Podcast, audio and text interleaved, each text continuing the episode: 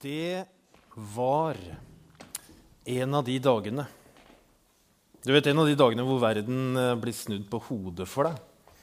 Du står opp, spiser du frokost, og så sjekker du vg.no og Facebook for liksom de siste oppdateringene før du skal ut til gjengen din som venter på utsida. Og så er det varmt, og det er sol. og det er egentlig ganske lenge siden du har sjekka yr.no, fordi det er liksom ikke nødvendig i denne delen av verden. Eh, men så går du på vei ut, og så kjenner du at du gleder deg til denne dagen. Hva skal du få lov til å være med på i dag?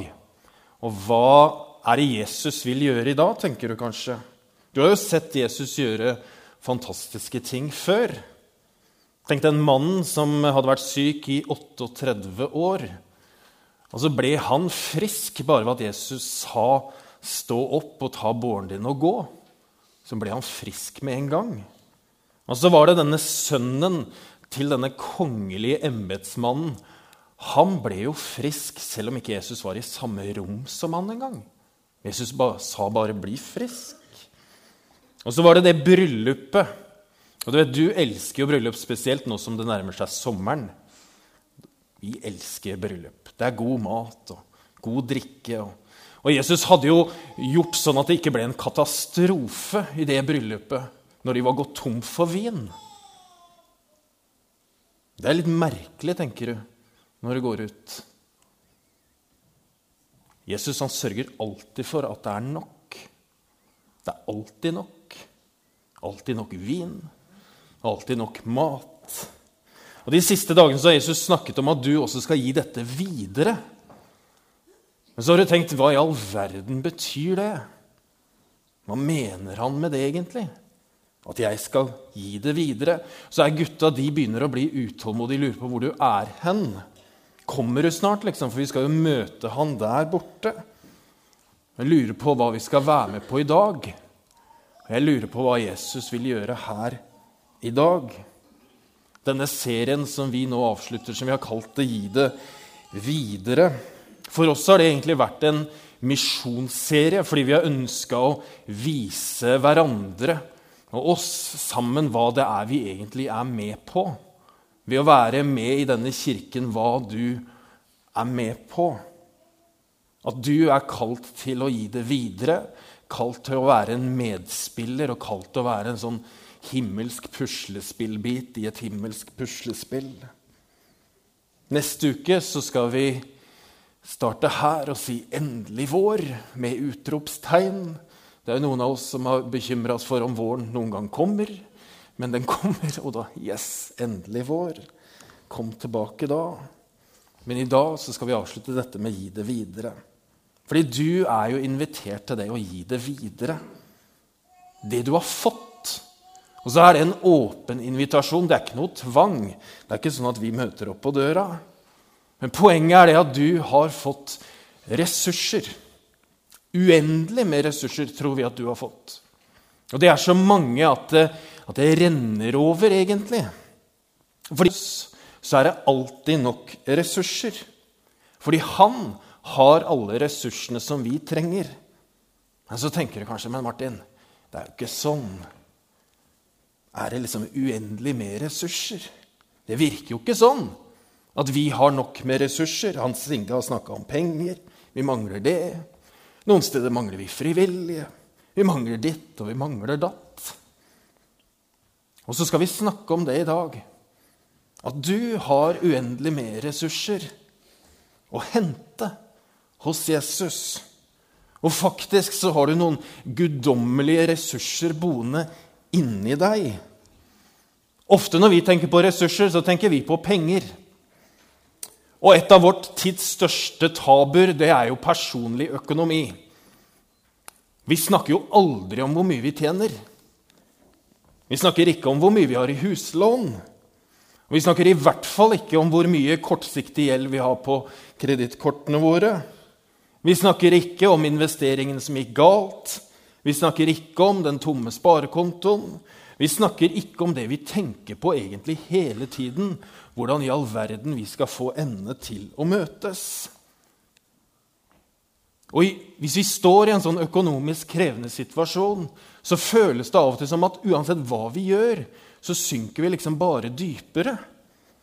Så Martin, når du snakker om at jeg har uendelige ressurser, så skulle du bare visst hvilken situasjon jeg står i. Og så skal ikke jeg komme med noen sånne kortsiktige og dårlige og semi-amatørmessige råd om økonomi og penger. Det skal jeg ikke gjøre. For det er jeg overhodet ikke i stand til, og i hvert fall ikke i posisjon til overfor deg. Men jeg har lyst til å utfordre deg på én ting.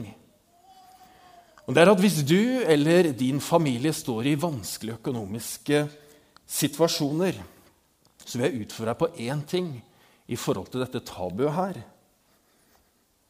Og det er følgende Å dele det med noen du stoler på, og fortelle det til noen.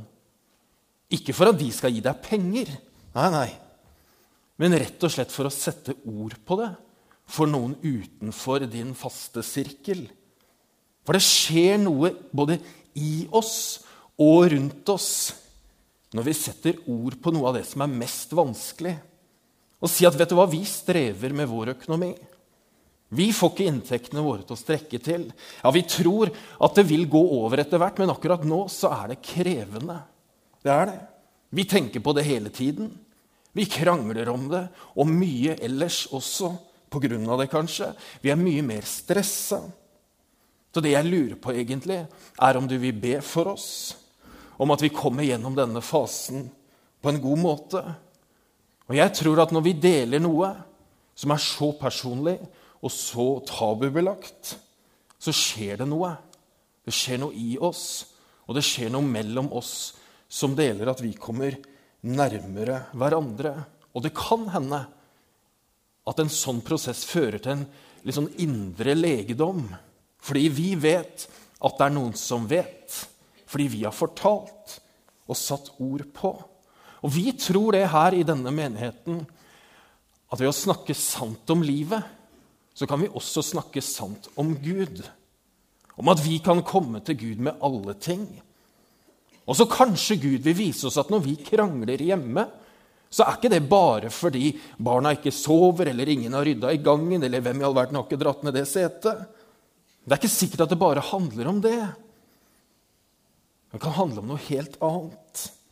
Om bekymringer for økonomi, for fremtiden og hva skal vi si når vi nå ligger foran en sommerferie med alt det innebærer. Vi skal se på en bibeltekst i dag eh, som du kanskje har hørt før. Den har overskriften 'To små fisker og fem små brød'. Og det er en sånn bibeltekst som vi lager sanger til. Barnesanger som vi synger. Og denne bibelteksten her, den kan handle om personlig økonomi. Det kan den. Men den handler om noe mye mer enn det. Poenget er at det den handler om for deg, vil mest sannsynligvis være noe helt annet enn det den handler om for den som sitter ved siden av det. Og Denne historien den starter med at Jesus går over til den andre siden av Genesaretsjøen. Og Bare for å understreke det han går rundt. Han kunne jo gått på vannet over. Eller tatt båten, liksom. Men han velger å gå rundt Genesaretsjøen, og det er egentlig et viktig poeng. Fordi i vår tidsalder med Instagram og Snapchat og hvor alt skal skje helst i går, så er det et poeng. At Jesus han bruker av og til tid. Ikke minst så bruker han den tiden han vil. Og det er jo ikke det samme som vi vil ofte, for vi vil jo se det nye bygget ferdig nå. Helst i går. Vi vil jo bli gjeldfrie nå, vi. Vi vil se resultater nå. Men sannheten er at når vi ser på Bibelens tekster i sammenheng, så bruker Gud tid. Om vi liker det eller ei. Av og til så gjør han noe umiddelbart. Men veldig ofte så bruker han tid. Og når vi tjener Gud i menigheten, og der vi bor, og der vi er, så må vi se på det vi gjør, i et langsiktig perspektiv. Og ikke bare kortsiktige resultater hele tiden. Og du vet jo vel så godt som meg at det må vi også se på livene våre som i et lengre perspektiv. Men skal vi lese bibelteksten? Senere dro Jesus over til den andre siden av Galileasjøen, som også kalles Tiberiasjøen. En stor folkemengde fulgte etter ham fordi de så tegnene han gjorde da han helbredet de syke. Jesus gikk opp i fjellet, og der satte han seg sammen med disiplene sine. og Påsken, jødenes høytid, var nær. Jesus løftet blikket og så at en stor folkemengde kom til ham. Han sa da til Philip, 'Hvor skal vi kjøpe brød, så alle disse kan få noe å spise?' Dette sa han for å prøve ham, for han visste selv hva han ville gjøre. Philip svarte, 'Brød for 200 denarer er ikke nok til at hver av dem kan få et lite stykke.' Og en annen av disiplene, Andreas, bror til Simon Peter, sa da til ham, 'Det er et barn her som har fem byggbrød og to fisker.' Men hva er det til så mange? Dette barnet På grunnteksten så, står, så brukes begrepet guttunge. Eh, og så kan vi tenke kanskje han var åtte eller ni eller ti år. Jeg vet ikke. Men han hadde sannsynligvis vært med foreldrene sine på tur i dagevis. Kanskje i uker eller måneder hadde han fulgt med denne gjengen som var tett rundt Jesus. Og så lurer jeg på hva denne gutten tenkte når Andreas, en av liksom de store gutta, kom til han og spurte kan jeg få nistepakka di. liksom så jeg kan gi den til Jesus. Ville han det sånn umiddelbart? Var det lett for han å gi fra seg nisten sin? Eller ville han helst ikke? Det var jo hans nistepakke. var det ikke? Og så lurer jeg også på hva Andreas tenker. Denne voksne mannen som hadde sett så mye, og som går til en liten gutt og spør vet du hva, kan vi få nista di. Det var jo 5000 menn som var der, pluss kvinner og barn. Det var jo minst 15 000 mennesker. Og så spør Andreas denne disippelen spør, kan jeg få nista di, eller vi trenger mat til alle disse folka. Det er jo en dårlig vits, egentlig. Så står det det var et barn her. Det er et barn her som har fem byggbrød og to fisk. Men hva er dette så mange? Da sa Jesus, la folket sette seg. Det var mye gress på stedet, og de satte seg ned, og de var omkring 5000 menn. Da tok Jesus brødene, ba takkebønn og delte ut til dem som satt der. På samme måte delte han ut av fiskene så mye de ville ha. Da de var blitt mette, sa han til disiplene, samle stykkene som er til overs, slik at de ikke går til spille. De gjorde det, og etter måltidet fylte de tolv kurver med stykker som var blitt igjen av de fem byggbrødene. Andreas og Philip de spurte Jesus i utgangspunktet hva skal vi gjøre. Folk er sultne. Det er seint. Kiwi er stengt. Hva skal vi gjøre? De visste ikke hva de skulle gjøre. Og kanskje du trenger denne åpenbare påminnelsen i dag. Du som ikke vet hva du skal gjøre. Du som ikke vet hva du skal gjøre med det problemet du står ovenfor. Jobbsituasjonen din økonomien din, problemene dine. Du som ikke vet hva du skal gjøre med ressursene dine. Det kan jo hende at du aldri før har hatt det så godt økonomisk som det du har i dag. Kanskje du aldri før har opplevd så gode dager som det du gjør nettopp i dag. Kanskje du aldri før har vært så på overskuddssiden, både fysisk og psykisk og økonomisk. Eller kanskje du aldri før har vært trengt opp i et hjørne på samme måte som det du er i dag.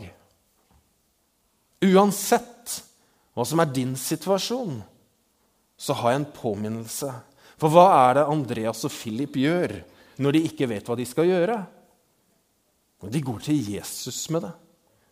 Og så spør de hva skal vi gjøre? Og startstedet for livet vårt og for alle spørsmål i vårt liv kommer tilbake til Jesus.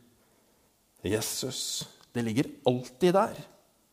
Så kan jo vi aldri forutse hva han vil gjøre med det. Det kan vi jo ikke. Selv om fundamentet i kristen tro er at han vil skape noe og gjøre noe nytt. Men så vet vi jo aldri hva han vil gjøre med det. Men det vi vet, det er at han er god, og at han vil det beste for oss på alle områder i livet. Og det Jesus gjør i denne fortellingen om disse fiskene og brødene, er at han viser oss at han har nok ressurser. Han skaper noe nytt foran disiplene som de aldri selv ville vært i stand til å skape. Han møter det de står i, på en helt annen måte enn det vi får til selv. Og han gjør mer ut av det enn det vi kan forestille oss. Fordi Jesus han demonstrerer at hans makt har han fått av hans far i det høye. Fint, sier du. Det er jo kjempefint. Det er en utrolig fin historie. Er det ikke det? Og for mange så blir det jo det. Og bare det. En fin historie. Det blir jo den vi lager disse sangene om, og som vi synger og bevegelser til. og den vi liker. Det er jo fint.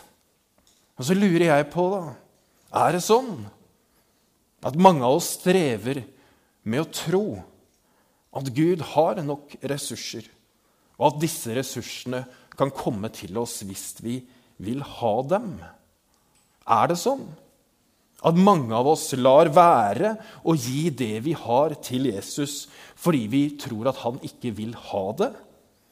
Eller at det ikke er bruk for oss? Er det sånn at vi tenker eh, 'Jeg kan ikke, jeg har ikke, jeg føler ikke', 'Jeg kan ikke bidra med noe', 'Jeg har ikke noe, liksom. Jeg føler meg så liten', eller 'Jeg har ikke noe å bidra med, jeg kan jo ikke synge'. I bunn og grunn så føler jeg ikke at det, enten at jeg er god nok, eller at det er liksom ikke rette timingen heller. Noe av dette kan jo handle om det som eh, vi bruker et sånt oppbrukt ord som heter jantelov. Hvor det er sånn her i Norge at vi skal ikke si det vi er gode på. Det vi fikser, det vi får til, det skal vi ikke si. Det skal vi holde for oss selv. Vi skal ikke skryte av oss av det. Noe kan handle om det. Og så tenk, Kan noe hende at noe handler om selvtillit? da? Vi, vi tror ikke at vi har noe å gi. Og så har jeg lurt på noe med denne selvtilliten som jeg ikke forstår. Fordi selvtillit i forhold til hva? Fordi på jobben, der har du god selvtillit. Altså. Der dundrer du på. Investerer og gjør ting. Der har du kjempegod selvtillit. I familien så er det mange av oss som har veldig god selvtillit. Men når det kommer til Gud, da føler vi at vi ikke kan bidra med noe. Da blir vi liksom så små. Hvorfor er det sånn?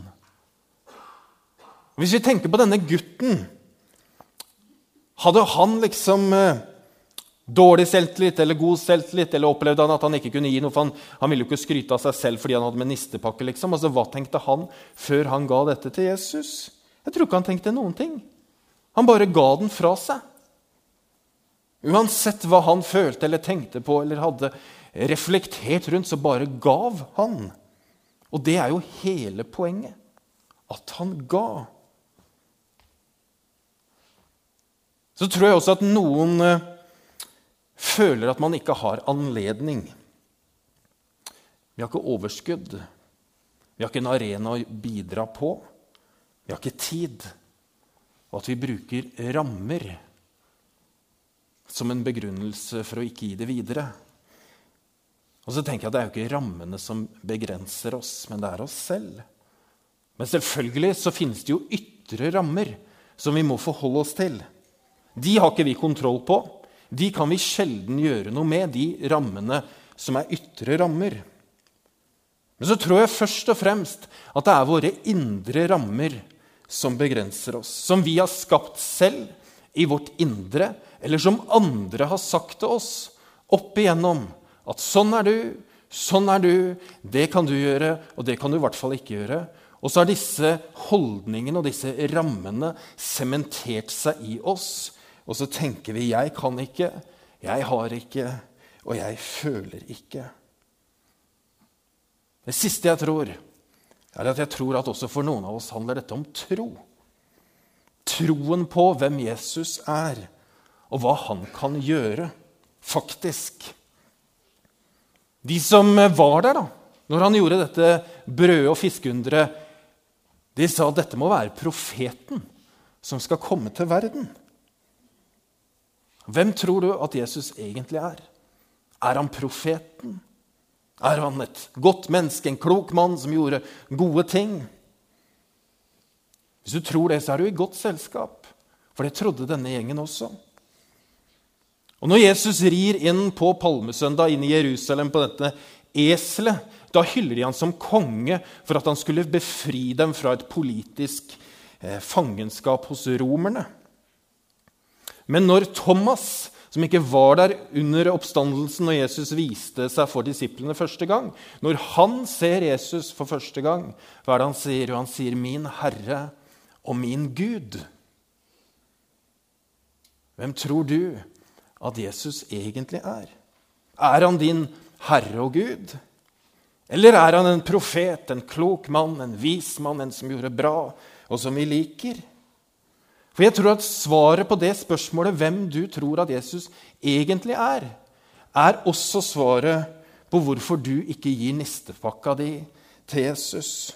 For hvis du ikke tror at han er din Herre og din Gud, Guds sønn, Frelseren Hvis du ikke tror at han bare vil deg godt, hvis du ikke tror at han har ubegrensa med ressurser, hvis du ikke tror at han er det han sier at han er, hvorfor i all verden skal du da gi han nistepakken din? Det ville jo vært fullstendig galskap hvis du gjorde det. Men hvis du tror at han er den han sier at han er, at han har elska deg akkurat sånn som du er, at han har ubegrensa med ressurser, at han er verdens frelser og konge, at han er den han sier at han er, da kan du også gi ham nistepakken den, som han tar imot og gjør uendelig mye mer ut av enn det du noen gang klarer. Fordi du har en nistepakke i livet ditt. Om du tror det eller ei, så har du jo det. For du har jo noen ting du er født med. Noen gaver fikk du jo ved fødsel av. Noen naturgaver. Noe du er flink til, noe du liker. Noe som kommer lett for deg. Det er jo noen gaver du har. Så har vi fått noen gaver gjennom oppveksten vår eller gjennom årene vi har levd.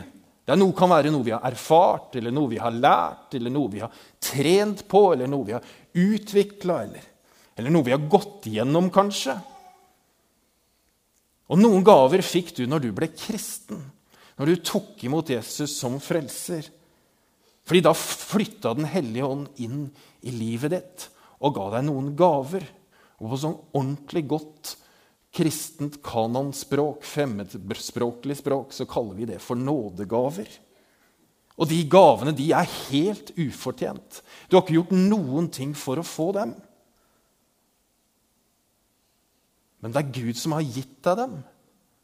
Og så er det også sånn at Gud han gir gaver underveis i livet. Det kan hende at du tok en nådegavetest når du var 19 15. Og nå er du 40, og så tenker du ja, det er det samme, men så er det ikke sånn. For de utvikler seg og vokser, og noen blir større, og noen andre avtar. Og, og så lever de sitt liv. Paulus skriver at eh, det var han som ga noen til å være. Og Da skriver han apostler, han skriver profeter, noen til evangelister, noen til hyrder og noen til lærere. Og så er det spesielt tre brev i Nytestamentet, som er Romerbrevet, første Korinterbrev og Efeserbrevet, hvor han lister opp eksempler på disse gavene. Det er så viktig at du tenker at dette er eksempler. For han lister opp trøst, det å være god til å trøste, det å vise omsorg, det å lede, det å tale profetisk, det å tale visdom, det å tale, nei, tyde tungetall og tale i tunger, og, gjøre eh, mektige gjerninger og helbrede syke. men så er dette eksempler på nådegaver som Gud gir. Fordi jeg tror Gud har en sånn uttømmelig liste av nådegaver som matcher det som du er gitt fra naturen av ved fødsel, det du har fått gjennom livet som du har levd. Og så kommer han og så gir han den ekstra guddommelige dimensjonen inn i ditt liv, som du skal gi videre. Ja, du kan holde på den selv, men da mister den jo hele poenget. For du skal gi den videre til menigheten og til de menneskene som er rundt deg. Og ikke minst så skal vi gi den til Gud. Hvorfor det? Jo, fordi han kan gjøre så uendelig mye mer i ditt liv og med de ressursene du har, enn det du noen gang får til. Og mye mer enn det du noen gang eh, ville forestille deg at var mulig. Og hvor starter dette? Jo, det starter med en overgivelse. Hvor vi gir livene våre tilbake til Gud, sånn som Roberto sa i stad. Og sier 'Her er mitt liv'. Her er det jeg har. Det er ikke perfekt, men jeg har faktisk disse to fiskene og disse fem brødene. Det er det jeg har. Det er min nistepakke, og den gir jeg til deg, sånn at vi sammen kan gi den videre. Og jeg håper at du vil være med på det. Skal vi be en bønn? Herre, takk for at du er her ved din ånd. Og vi tror, Herre, at du taler inn i våre liv akkurat nå. Og du ser hvor vi er i livet. Jeg ber, Herre, om at du skal vise oss hva vi har, hver enkelt av oss. Og for noen handler om det, og for den andre handler om noe helt annet.